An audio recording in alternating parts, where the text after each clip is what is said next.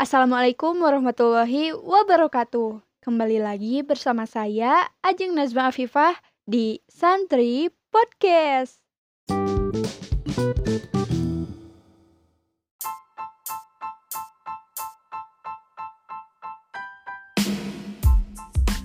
Teman-teman, di episode kali ini kita kedatangan sahabat santri yang akan membacakan kisah dari Nabi Adam alaihi salam.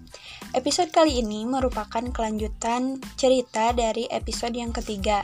Jadi, aku saranin untuk mendengarkan terlebih dahulu episode ketiga ya. Dan oke, okay, kalau gitu kita simak kelanjutan ceritanya.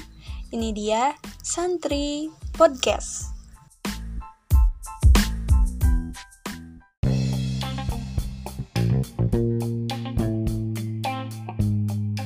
Hai teman-teman, kenalin aku Najira Jahra dari Mu'alimin 43 Almanar Ciwidey. Di episode kali ini, aku mau ngelanjutin kisah Nabi Adam yang pernah dibahas di episode 3 yang lalu, yaitu kisah Kobil dan Habil.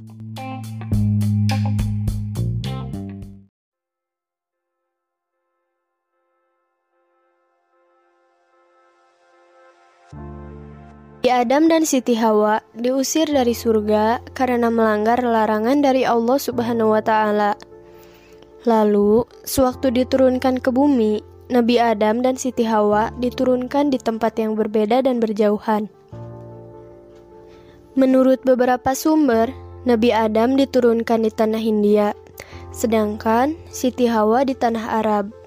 Selama bertahun-tahun, keduanya saling mencari walaupun menempuh perjalanan yang sukar dan penuh dengan bahaya. Akhirnya, Nabi Adam dan Siti Hawa bertemu di padang Arafah. Setelah dipertemukan kembali, pada tahun pertama, Hawa melahirkan sepasang anak kembar, laki-laki dan perempuan, yang diberi nama Kobil untuk anak laki-laki mereka dan Habil untuk anak perempuan mereka. Lalu, pada tahun berikutnya, lahir lagi sepasang anak kembar yang diberi nama Habil dan Labuda. Waktu pun berlalu. Keempat anak Nabi Adam beranjak dewasa. Pada suatu ketika, turunlah petunjuk dari Allah kepada Nabi Adam agar mengawinkan putra-putrinya. Kobil dikawinkan dengan Labuda yang merupakan adik dari Habil. Sedangkan Habil dikawinkan dengan Iklima. Inilah syariat yang telah ditentukan. Namun, ketika Nabi Adam menyampaikan hal tersebut kepada putra-putrinya, Kobil menolaknya mentah-mentah. Ia tidak mau dikawinkan dengan Labuda yang berwajah jelek, tidak secantik adiknya Iklima. Nabi Adam menasihati Kobil agar dapat menerima keputusan dari Allah. Namun, Kobil menolaknya. Akhirnya, Nabi Adam memerintahkan keduanya mempersembahkan kurban yang disaksikan seluruh keluarga Adam. Kobil mempersembahkan hasil pertaniannya. Ia sengaja memilih hasil gandum dari jenis yang jelek. Sedangkan Habil mempersembahkan seekor kambing terbaik yang paling ia sayangi. Maka setelah itu, didapatkan api besar menyambar kambing Habil. Itu artinya kurbannya diterima.